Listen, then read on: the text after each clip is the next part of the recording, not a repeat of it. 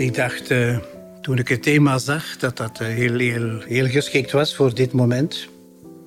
Omdat wij toch allemaal met uh, een en ander te kampen hebben. Dat is, onze aantallen worden kleiner. En we worden oud, maar nog veel sterker vind ik, we worden samen oud. Probeer vooruit te kijken. Probeer niet te kijken naar wat kan ik niet meer, wat moet ik loslaten, maar kijk ook een keer naar het mooie dat je verwezenlijkt hebt binnen de instituten. Zij daar fier op.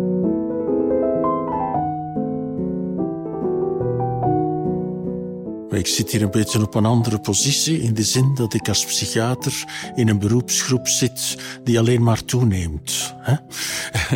en waarbij de nood hoog is en de wachtlijsten lang zijn. Het is, het is heel paradoxaal en sommige mensen zeggen dat dat daar ook mee te maken heeft. Een soort van communicerende vaten. Hè? Dat het wegvallen van de priesters maakt dat de psychiaters nu toenemen. We zijn op dit moment in Blankenberge voor een driedaags congres. Een congres dat jaarlijks georganiseerd wordt door de Unie van de Religieuzen van Vlaanderen en waarop alle algemeen oversten, zowel van uh, diocesane congregaties als van andere ordes, uitgenodigd worden rond één bepaald thema. Het thema voor dit jaar is kracht vinden in onmacht onmacht is een ervaring die we allemaal delen in onze congregaties en in ons samenleven. Die onmacht betreft zowel onze persoonlijke ervaring als individu, maar betreft ook het samenleven met een oudere groep van zusters, broeders, paters. De toekomst die een vraagteken is, en tegelijkertijd een onmachtervaring nodigt ook altijd uit om na te denken hoe we daarmee kunnen omgaan. En vandaar dat we vier sprekers hebben gevraagd rond dat thema, om dat thema dus vanuit verschillende invalshoeken te benaderen. Een van de sprekers, de laatste in de rij, is deze morgen uh, professor Dirk de Wachter, alom gekend als psychiater, maar ook als auteur van bestsellers, die op een hele unieke manier uh, de realiteit benadert en altijd sterk spreekt over verbinding, over troost, bemoedigend spreekt ook. En in die zin sluit hij, denk ik, aan bij een grote nood die leeft in de maatschappij, ook rond het zoeken naar zin. En we zijn dus heel blij dat hij op onze vraag is ingegaan om ook voor dit publiek, we zijn met een honderdtal aanwezigen, 80% eh, zusters, 10% eh, paters en broeders en dan nog 10% lekenmedewerkers die ook een verantwoordelijkheid dragen in congregaties.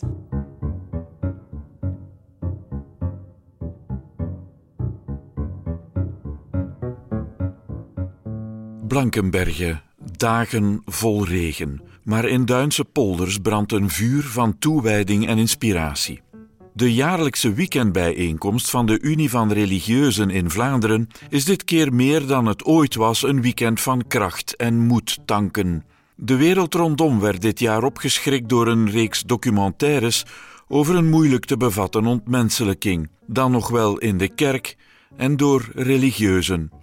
Het komt hard binnen bij de deelnemers hier die een leven lang net het tegenovergestelde deden. Vanuit hun geloof mensen waarderen, er voor ze zijn, ze vooruit helpen, onbaatzuchtig en niet aflatend. De Unie van Religieuzen in Vlaanderen nam zich in Blankenberge voor meer aanwezig te zijn in het publieke debat. U hoorde zo net voorzitter van de Unie der Religieuzen in Vlaanderen, zuster Mieke Kerkhoff. De kracht van deze dagen bestaat erin dat mensen hier een aantal elementen hebben aangereikt gekregen om te bouwen aan veerkracht, om zelfzorg op te nemen. Want dat is vaak een probleem bij religieuzen, die zijn zo gewoon om te geven dat zij veel te weinig, soms als ik het zo hard mag zeggen, dat ze te weinig zorg dragen voor zichzelf. Men vraagt ook dat wij als bestuur vanuit de URV en dus als vertegenwoordigers van de religieuzen ook een stem zouden laten klinken in het kerkelijk en het maatschappelijk debat.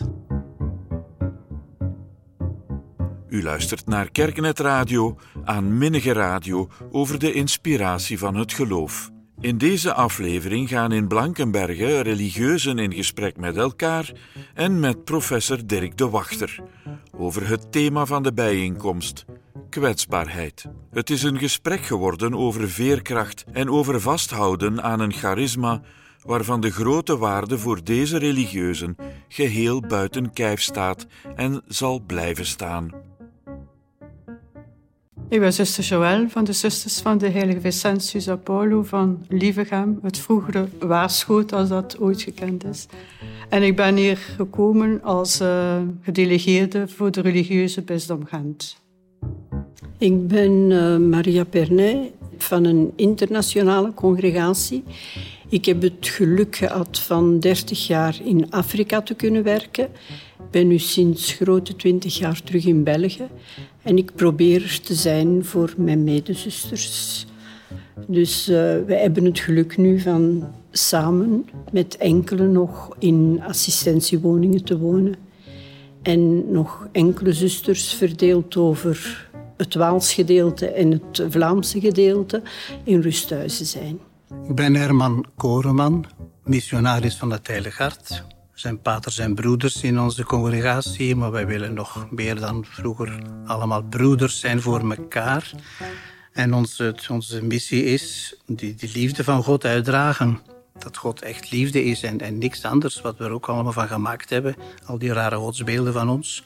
Dat God liefde is en barmhartigheid gaat ook in die richting. En alle mensen moeten dat weten. Je moet het vooral hen laten voelen aanvoelen is nog beter. Ik ben Bea de Schrijver. Ik ben als leek te werk gesteld in de congregatie van de zuster Sint-Vincentius in Deinze als assistent van de algemeen overste. Ik heb dus een gezin en ik ben dus niet religieus. Ik ben Dirk de Wachter, ik ben psychiater, psychotherapeut. Ik ben uh, professor aan de Universiteit van Leuven. En ik interesseer mij binnen de psychiatrie vooral aan maatschappelijke problemen en ethische problemen van de psychiatrie. Ik heb daar ook een aantal boeken over geschreven. En door die boeken heb ik in alle bescheidenheid een zekere stem in de publieke ruimte gekregen, die ik probeer aan te wenden om het engagement van mensen eerder wat te bevorderen.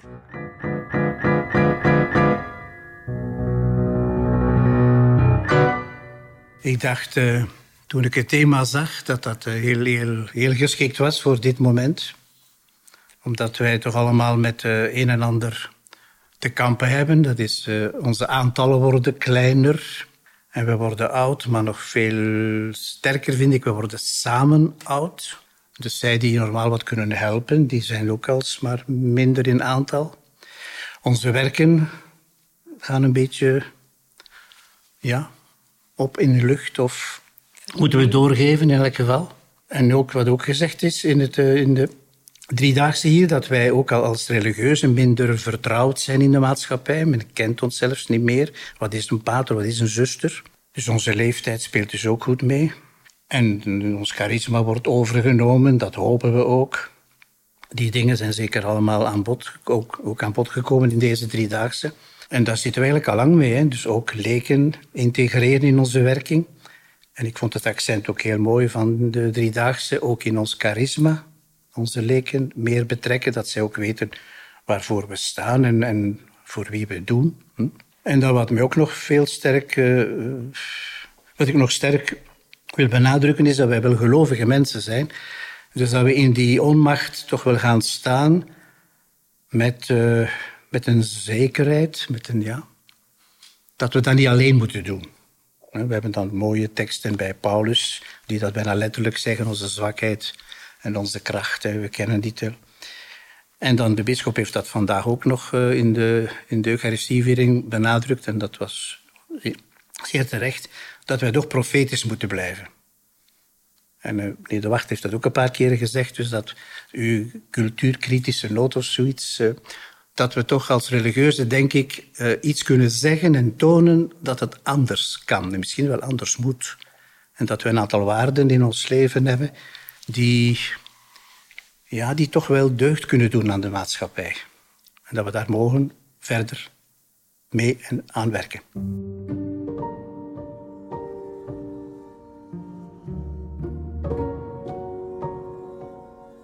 Ja, we worden kleiner, de groepen worden kleiner, ouder, we worden samen oud. Maar we mogen, zoals uh, professor De Wachter deze morgen gezegd heeft, we mogen niet cynisch worden. Van, ik hoor niet graag dat mensen nog zeggen, met hoeveel zijt je nog? Voor te zeggen, ja, het schiet niet veel meer over zeker. Het, zo, het, het, het negatieve aspect in een, een verouderde groep religieuzen, maar we zijn er nog. Soms komt dat over als, precies zijn we niet meer. Ze kennen ons niet meer, inderdaad. Wat is een zuster, wat is een pater? Kinderen kennen dat langs geen kanten meer. Ze zien het ook niet meer. En zelfs mensen die dat je daar niet zou dan verwachten, die zeggen, ah ja, ah ja, zeiden nog met zoveel in deze tijd, het, zo, het altijd het negatieve bestempelen van, ja, je zijn uit sterven tras, hè. Het, het is bijna, bijna gedaan. En ik denk dat we juist omgekeerd moeten antwoorden van, of niet antwoorden, maar in ons zijn, in ons doen, in ons laten zien van, we zijn er wel nog en wij leven toch nog vanuit zekere waarden. En wij proberen zolang dat we kunnen die waarden dan toch nog doorgeven in deze huidige maatschappij.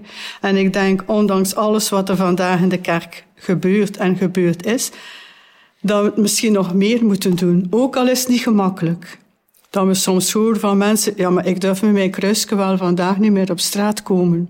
Want we worden aangesproken, we worden uitgescholden, we worden ja, het is wel realiteit vandaag. Maar ik denk dat we juist het omgekeerde moeten doen. Van durven getuigen van waaruit we leven en welke waarden dat dat bij ons in ons leven die waarden, dat dat dus hoogstaande waarden zijn en dat we daar uiteindelijk ons leven voor gegeven hebben. Ik wil er ook op terugkomen, maar hetgeen Herman er juist zegde, ons aantal wordt kleiner. Maar hetgeen deze dagen ook vind ik verschillende keren naar voren gekomen is door de verschillende sprekers, elkaar ondersteunen, elkaar helpen. We zijn er voor elkaar. Ik zou durven zeggen, ik kan het op twee, langs twee vlakken bekijken. Ik ben van een internationale congregatie. Dus in de landen van Afrika en Azië is ons aantal nog tamelijk sterk. Europa, Canada verminderd. Maar gelijk waar, we moeten het samen doen.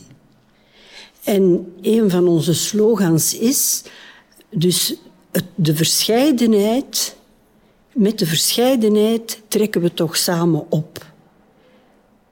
Dus het samen bouwen aan de wereld van nu, in, op de plaatsen waar wij nu nog gevestigd zijn.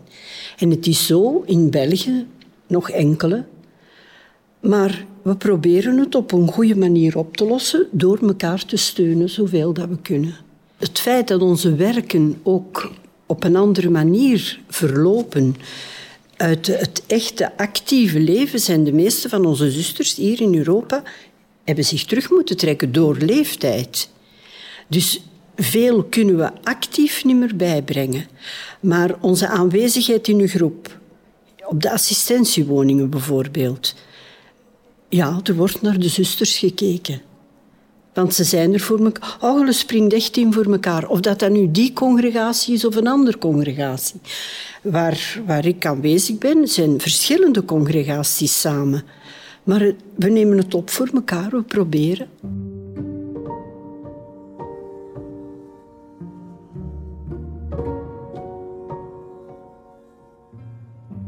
die onmacht die komt ook wel tot uiting bij de zusters al een aantal jaren geleden, want zij zitten ook met een, een verlieservaring. Zij ervaren, dat lukt niet meer goed, dat gaat niet meer zo goed, dat moeten we loslaten. Op verschillende vlakken in de instituten.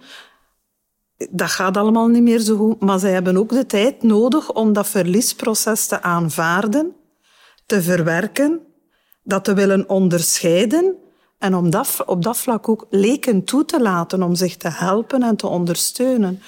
Want wij als leken, ik vermoed dat wij soms een andere inkijk op de situatie binnenbrengen in de congregatie. Dat voor de zusters misschien soms bevreemdend overkomt, maar anderzijds ervaart je wel wat dat zuster Joël zegt, als je de kans krijgt om een tijd mee te lopen in de congregatie, mee te groeien in de congregatie, dan beginnen ze stilletjes aan ook wel die wending wat mee te nemen. Wij proberen dan ook wel te zeggen van het is jammer dat je de verlieservaring moet delen, maar dat is nu eenmaal zo. Maar probeer vooruit te kijken. Probeer niet te kijken naar wat kan ik niet meer, wat moet ik loslaten, maar kijk ook een keer naar het mooie dat je verwezenlijkt hebt binnen de instituten. Zij daar fier op. Kom daarmee maar naar buiten, ook naar de buitenwereld. Van, kijk een keer wat dat wij allemaal gedaan hebben. Nu gaat het niet meer zo goed, maar dat en dat, dat hebben we allemaal wel gerealiseerd. Ik denk, als vele congregaties morgen zeggen van wij ondersteunen de onderwijsinstellingen niet meer, op gelijk welk vlak, financieel of met patrimonium of op het even wat. Ik vrees dat er heel wat scholen de deuren gaan mogen sluiten. En ik vind dat dat iets is wat de zusters of de paters of de broeders terecht fier mogen op zijn. Wat het charisma betreft, als ik nu zelf kijk naar bepaalde congregationele scholen en instituten, hoe die toch wel werk maken om hun leerkrachten of hun personeel mee te krijgen in het spiritueel bad van hun stichter, dan is dat zoiets van, zij daar maar vier op, investeer daarin. Maar dan heb je natuurlijk wel de hulp nodig van externen, van leken, die dat voor u waarmaken.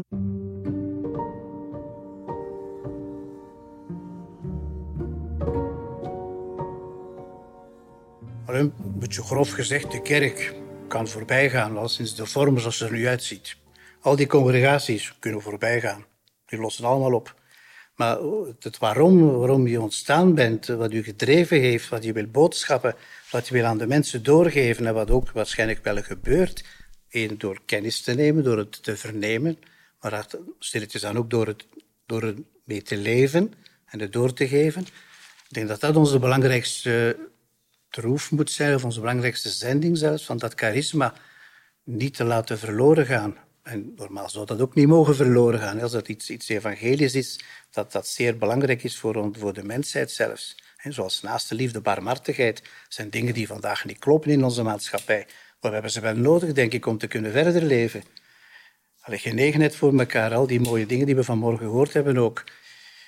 Daar moeten we blijven voor gaan. En de vorm, dat gaan we allemaal verliezen. Ja. Dat gaat oplossen, er komt iets nieuws. Jonge mensen zijn ook al iets bezig. Misschien zijn ze dichter bij ons dan dat we denken. Maar we hebben elkaar misschien nog niet gevonden, omdat we nog te veel op die structuren, op die, die vormelijkheid zitten te benadrukken. En dat gaat voorbij. Zelfs de kerk, al, ik zeg het een beetje cru, de structuur dan toch, dat gaat voorbij. Je ziet er op zoveel nieuwe plekken vormen van kerk ontstaan. Die zijn helemaal anders. Maar de spirit is vaak hetzelfde. Of die gedrevenheid en, en het waarom en waar je naartoe wilt. Denk dat dat... Uh, dat is een, een, een, grote kracht, denk ik. En dan neem je dat verlies daar misschien stilletjes aan wel bij, omdat je voelt dat het daar niet om gaat. Maar kan wel zeer doen natuurlijk, hè, wanneer je veel mooie dingen moet laten uh, verloren gaan of opdrogen. Maar anderzijds, zoals je zegt, veel mooie dingen gebeurd. Maar alleen het verleden is ook niet voldoende. We moeten ook een, een, richting uit kunnen gaan. We moeten ergens naartoe. En, en dat doen we, denk ik, spontaner dan we denken. We moeten daar toch wel mee bezig zijn, ja. Als we zien de massa vrijwilligers die zich inzetten voor op allerlei vlak dat ermee het goede zal blijven gebeuren op een bepaalde manier, maar anders dan onze klassieke vorm van kloosterleven dat wij kenden of waar dat wij zijn in opgegroeid via kleuterschool, lagere schoolopvang, links en rechts. Maar het kan toch niet dat dat zomaar allemaal verloren gaat?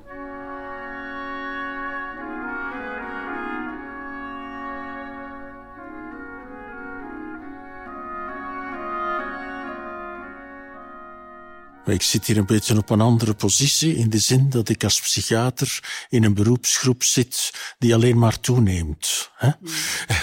en waarbij de nood hoog is en de wachtlijsten lang zijn. Het is, het is heel paradoxaal en sommige mensen zeggen dat dat daar ook mee te maken heeft. Een soort van communicerende vaten. Hè? Dat het wegvallen van de priesters maakt dat de psychiaters nu toenemen. Ik denk dat het complexer is dan dat. Maar toch, ik zie het in ieder geval zelf uh, het is nu een beetje persoonlijk, bijna als mijn missie om in een ontkerkelijkte, seculiere wereld ergens, wat ik ook over gesproken heb, waarden van barmhartigheid en mededogen en, enzovoort, te bewaren voor de wereld die niet meer elke week naar de mis gaat. Hè. En ik denk ook, als we het...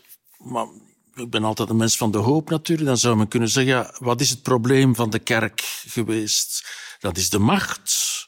De macht is het probleem geweest. Als die macht nu wegvalt, dan kan, wat al gezegd is, de essentie, het gedachtegoed van de, van de vroege kerk ook en zo, die, denk ik, universeel is.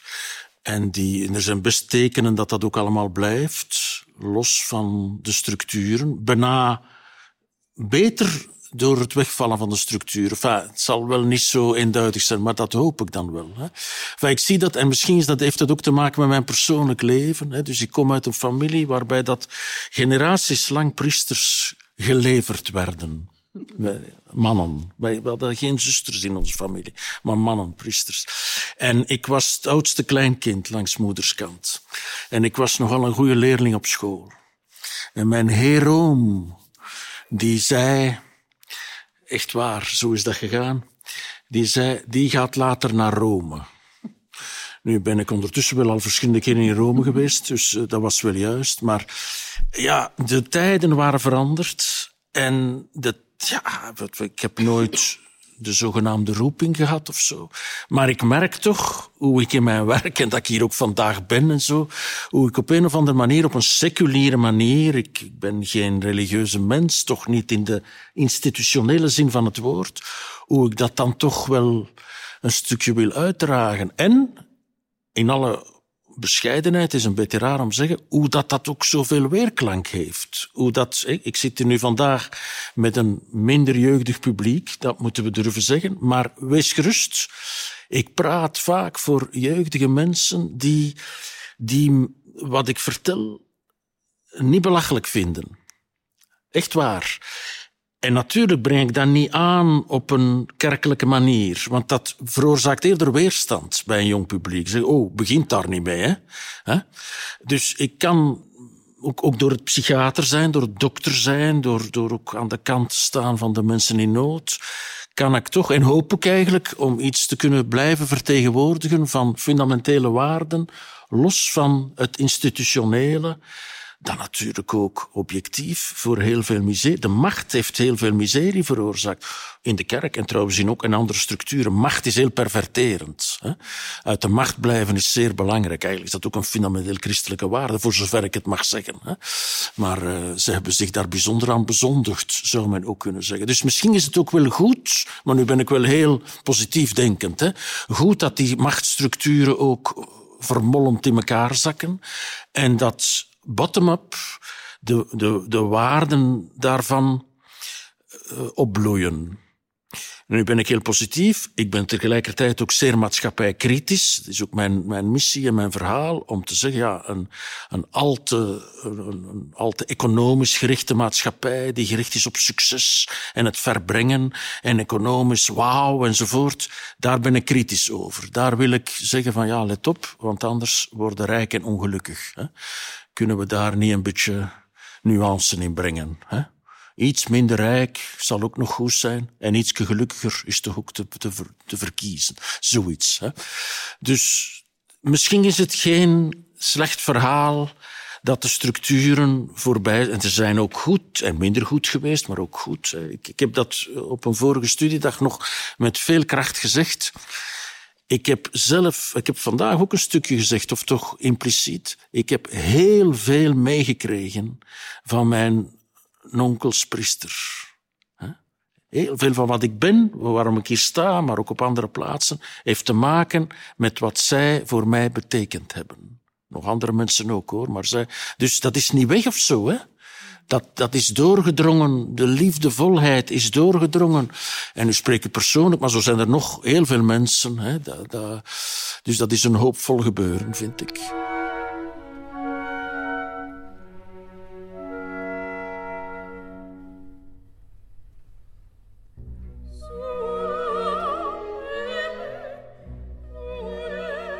Zou dat nu, nu ook niet zijn een wat olie op het vuur, ook van die Eucharistievieringen van de VRT, dat er nu...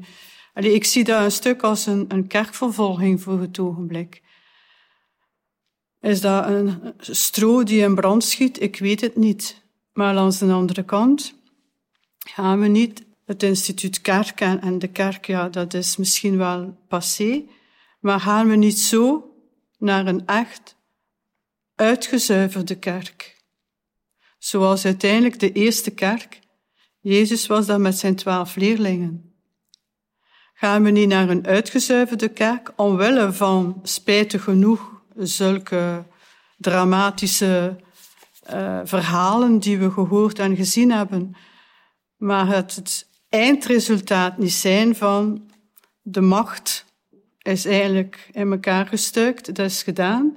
En wie dat er vandaag nog van aan de kerk geloof geeft of lid wil zijn of blijven zijn van de kerk, dat zijn mensen die er echt voor gaan, niet om, ik weet niet welke hiërarchische trap te kunnen beklimmen, maar echt uh, het zuivere geloof.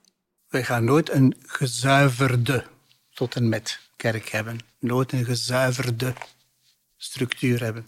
Het gaat altijd met mensen te maken hebben vind ik al een, een moeilijke situatie. Want aan het laatste avondmaal zaten er ook een paar tussen die... Ja, ik vind dat heel, heel moeilijk om dat te bedenken. En ik vind ook dat, de, de, dat je die vraag nu stelt, dat is intussen zo opge, nee, opgeblazen, maar niet zeggen, want het is zeer, zeer ernstig en heel droevig. Maar dat is zo ingewikkeld en ingepakt en verpakt en herpakt en er dat nog bij een beetje dat bij. Alleen nu zijn ze al over kleinigheden, bij wijze van spreken, tv-uitzendingen al dan niet. Of over, waarover gaat het nu eigenlijk? Dat is zo vertroebeld dat ik dat eigenlijk, ik wil er niet veel meer over zeggen. Laat dat alsjeblieft rusten. En dat is ook vervelend, want dan zwijgt je en dat is onmacht. Dus het is, eigenlijk is het altijd verkeerd wat we ook doen, omdat de, de, de sfeer op dit moment vertroebeld is. Maar het mocht wel, of het, het moest eens een keer uitbreken. Het moest eens een keer in daglicht gezet worden. Want het is, als we eerlijk zijn, het is een situatie die al... Ik herinner mij van in familie, van mijn moeder sprak er iets over. Dus het is iets dat altijd geweest is. Maar dat nu zo verscherpt is, het is nog een top gedreven. Door het laatste commentaar en al de uitzendingen die regelmatig terugkwamen op diezelfde kritieke punten. Maar ik denk wel dat er iets is losgebarsten en daar moeten we nu mee verder en proberen dat, ja, een, een serieuze kijk op te krijgen.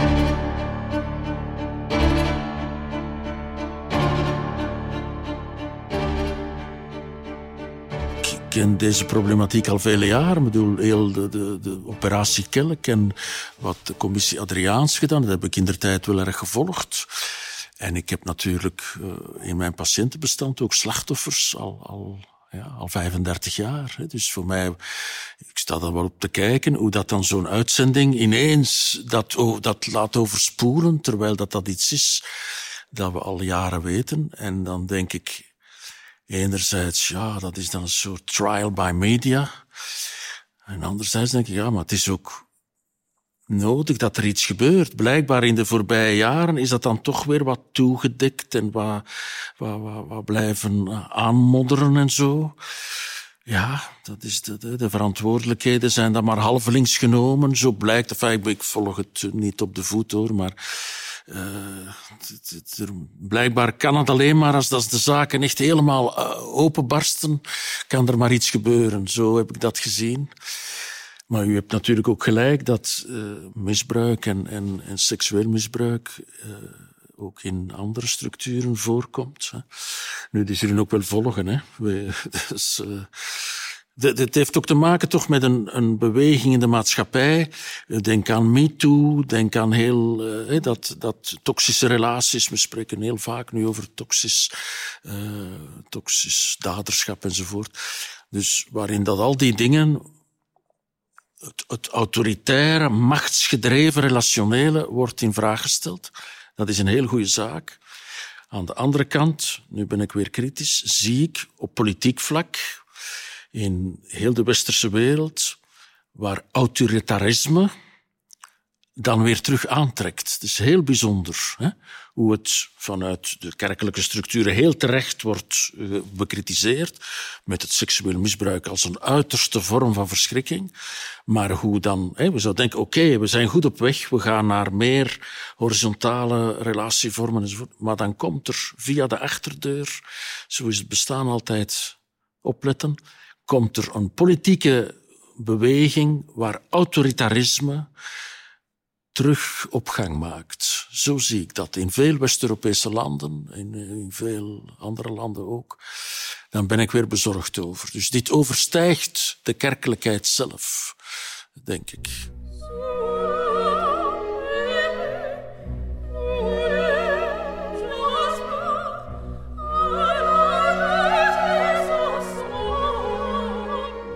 In de psychiatrie, dat ken ik het best, zie ik mensen die in machteloosheid afdrijven uit uh, het maatschappelijk weefsel en helemaal geïsoleerd en alleen komen te staan. Hè? En daarin hun machteloosheid helemaal nog verder, ja, ten top drijven tot, tot, de groot, tot het uiterste wanhoop. Maar het zou moeten leiden tot verbinding en het kan ook. En het appelleert ook. Hè? Dus dat is ook waar ik wil, wil eh, voor, moet ik zeggen, wil voor engageren. Hè? Maar het gaat niet vanzelf. Dat is belangrijk. Engagez-vous.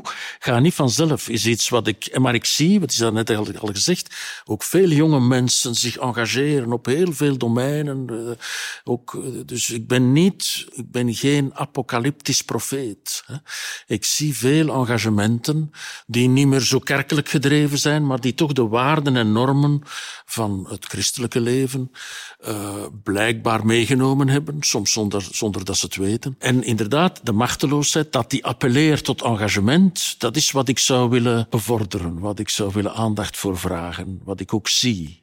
Maar niet vanzelf. Toen we denken aan deze samenkomst nu, dus het machteloze, als je het nu langs de kritische kant bekijkt, dat ons groepen kleiner worden maar het samenkomen van die verschillende congregaties, die contacten met elkaar, dat uitwisselen met elkaar. Het is spijtig dat we uiteen moeten gaan nu. Maar ja, nu heeft iedereen al gezegd en tot volgend jaar. Maar dat is ook een stuk van die machteloosheid die tot nabijheid brengt, denk ik. Ik denk dat je als congregaties veel dichter bij elkaar aan het komen bent. Want iedereen heeft hetzelfde, ook al zijn de, het apostolaat en het charisme niet zo verschillend, maar het komt er toch allemaal op aan van de mens in nood bij te staan en te helpen. Dat was de bedoeling van al ons stichters gelijk, zowel op onderwijs als op verzorging. Als daar onze stichters of stichteressen mee begonnen zijn in de jaren 1800 of zelfs veel vroeger voor sommige congregaties. Het was om dichter bij de mensen te komen en de mensen te helpen en uit de nood te helpen. Nee, daar ben ik helemaal mee akkoord met wat de professor zegt. Ja, die nabijheid. Ja. Is dat niet ook iets wat in de congregaties veel al jaren door zusters of broeders opgestart is? Mensen die aan de rand van de maatschappij zaten, leefden, als ik het zie, heel wat mensen bijvoorbeeld die vroeg moeders, vaders verloren hebben, waar zusters toch dan een moederlijke rol proberen over, nee, over, je kunt dat niet overnemen, maar proberen waarmaken hebben, dat verlies proberen invullen hebben. Dat is een verhaal die ik nog heel veel hoor van mensen die je ontmoet onze zusters hebben dus ook een zorginstelling gehad, een ziekenhuis. Als je nu in dat ziekenhuis binnenkomt, zijn er dan nog heel wat mensen die, als je daar met een zuster bent, goh, is dat die zuster? Want die heeft veel, heel veel betekend voor mij. Die heeft een moederrol opgenomen, die heeft mij opgevangen, die je ziet dat dat leeft, dat dat bij die mensen echt iets teweeggebracht heeft. Dat ze daar een rol van nabijheid opgenomen hebben, zonder zich daar vragen bij te stellen, zonder enige berekendheid, zonder enige voorbedachtheid, hebben ze gewoon die rol opgenomen. En dan zie je u nu nog ook vaak mensen die gewoon komen aankloppen bij een congregatie en die zeggen van ik heb het zeer moeilijk of ik heb het een verlieservaring of om het even wat. En die gewoon komen vragen van wilt je mij nabij zijn door voor mij te bidden? Die vraag krijgen wij nog heel veel. Die nabijheid. Gisteren kwam er een zuster bij mij. Het is de eerste keer dat ze uh, deelneemt als verantwoordelijke. En die zei, de titel sprak mij wel aan en daarom heb ik mij ook ingeschreven. Maar wat, met al wat wij gehoord hebben en van de eerste tot de laatste spreker, er is daar niks van af te zeggen. Maar gewoon de nabijheid van medezusters, van medeverantwoordelijken, waar ik dus soms mijn licht heb kunnen opsteken van iets waarmee wij zitten en dat ik hoor van, ah, zit jij daar ook mee? En hoe hebben jullie dat opgelost? Dat is voor mij, zegt ze, ik ga rijk naar huis. Het geeft mij moed en kracht om te zeggen, allez, ik ga nu doorzetten, want uiteindelijk, ik sta daar niet alleen.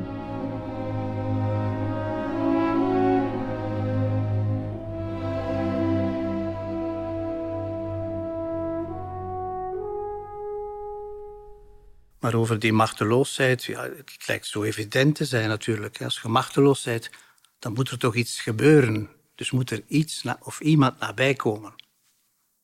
Iets gebeurt, een, een meevaller of iemand. moet natuurlijk wel leren aanvaarden en zien dat je machteloos bent. Hè? Dat het nummer gaat. Sommige mensen hebben daar wel moeite mee om dat ene keer te zeggen om dat toe te geven. Zeker mensen die altijd leidende grote functies hebben gehad.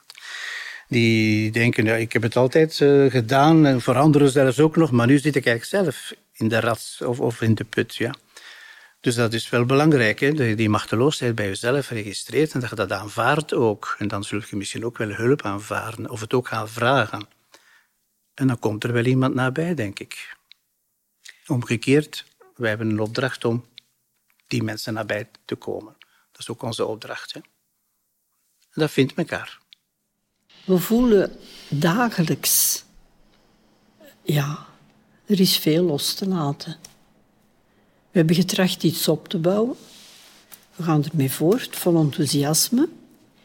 En dan zo stilaan moeten we toch voor onszelf durven toegeven. En dat moet ik loslaten en doorgeven. En dan komen we terug aan het beginpunt en durven hulp vragen en durven, durven ondersteuning vragen en zo verder. En voor degene, eh, wij zelf die verantwoordelijkheid dragen, durven loslaten als nodig is.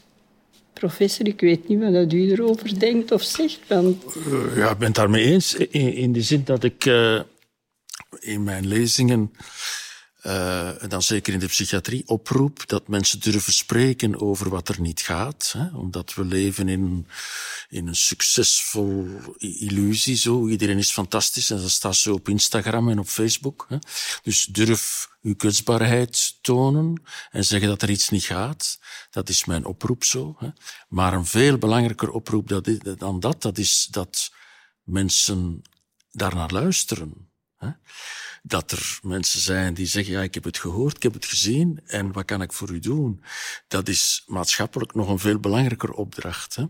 Dus dat mensen zich uitspreken, dat begint ook een beetje te, te veranderen in de psychiatrie. Het lijkt tegenwoordig eh, voor sommige BV's en bekende figuren doenbaar om te zeggen dat het niet gaat. Hè? En voor die figuren zal het wel meevallen, maar in het algemeen dus een, een maatschappij die zorgzaam is voor voor de lastigheden van het leven. Uh, dat is toch iets om te bewaken. Dat is iets om te bewaken, vind ik. Daar, uh, daar wil ik aan de kar blijven trekken, om dat zo te zeggen. De, het aan elkaar luisteren, aandacht hebben. Ik zeg dan een beetje, uh, ik spreek dan graag zo'n beetje polemisch, maar ik vind dat we mekaars psychiater wat meer moeten zijn.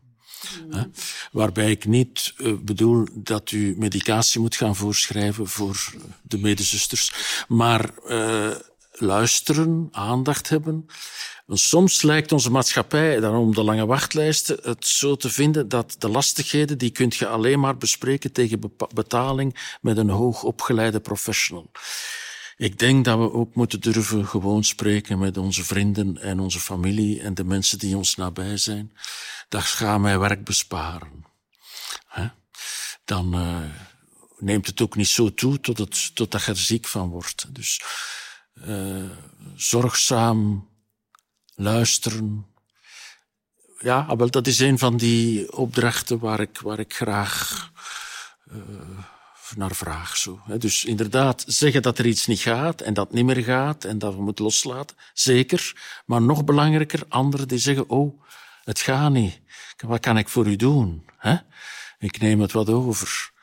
Het is gemakkelijk gezegd, maar niet zo gemakkelijk gedaan. Hè? Maar u gaf het zelf aan, professor, van er wordt vaak gezegd van uh, de pastoors verminderen. Uh, daardoor zijn er meer psychiaters. Ik wil zeker, zeker uw job niet ontnemen. Absoluut niet. graag. Uh, nee, want die zijn van essentieel belang. Ja.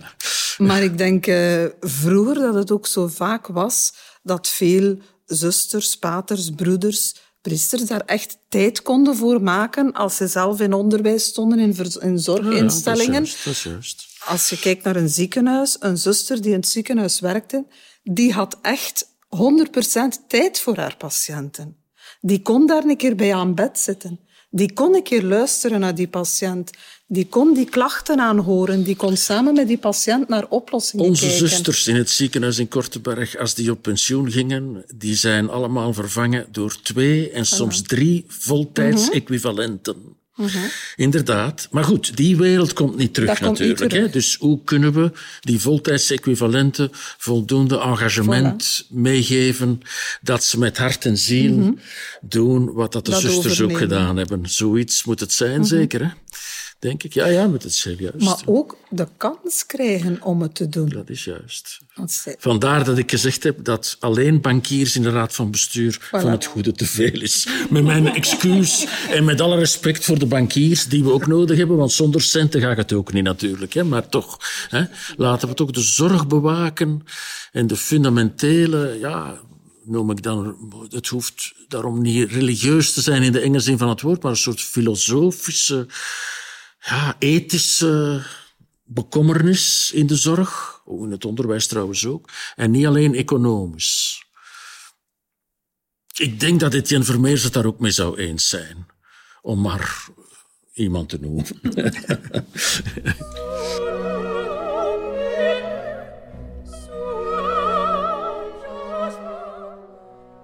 Onze titel was ook uh, Paulus, een Paulus-uitspraak. Als we zwak zijn, dan komt het pas goed. Hè? Want dan, dan gaan we zelf geen stokken meer in de wielen steken. Dan is er iemand anders die zijn weg, die zijn werk kan doen. En dan zijn we instrumenten van die anderen. Zoals gelovige mensen over God aan spreken. Maar, maar die zwakheid durven vaststellen. En dan voelt je ook, ja, je laat je dan ook helpen door iemand anders. En, en in geloof ook door God. En ja, dat is, dat is dat dat wezenlijk is. En dat dat ook misschien het meest fundamenteel hoopvolle is. Dat we dat niet alleen gaan moeten oplossen. Dat dat ook niet nooit zal lukken. Maar als we dat samen doen, samen met elkaar. En ook samen ons laten helpen door, uh, door misschien de visie over deze wereld. Dat het een mooie wereld kan zijn. En dan zijn we bijna in de hemel, hè. Zoiets. Maar die, die zwakheid en die, die sterkte, dat is toch wel een heel merkwaardige tegenstelling. Die toch wel heel diep doet nadenken over je eigen mens zijn ook. Ook in het, in het, in het verloren gaan kunt je eigenlijk jezelf helemaal terugwinnen. En hopelijk vele andere mensen die daar mogen mee van genieten dan.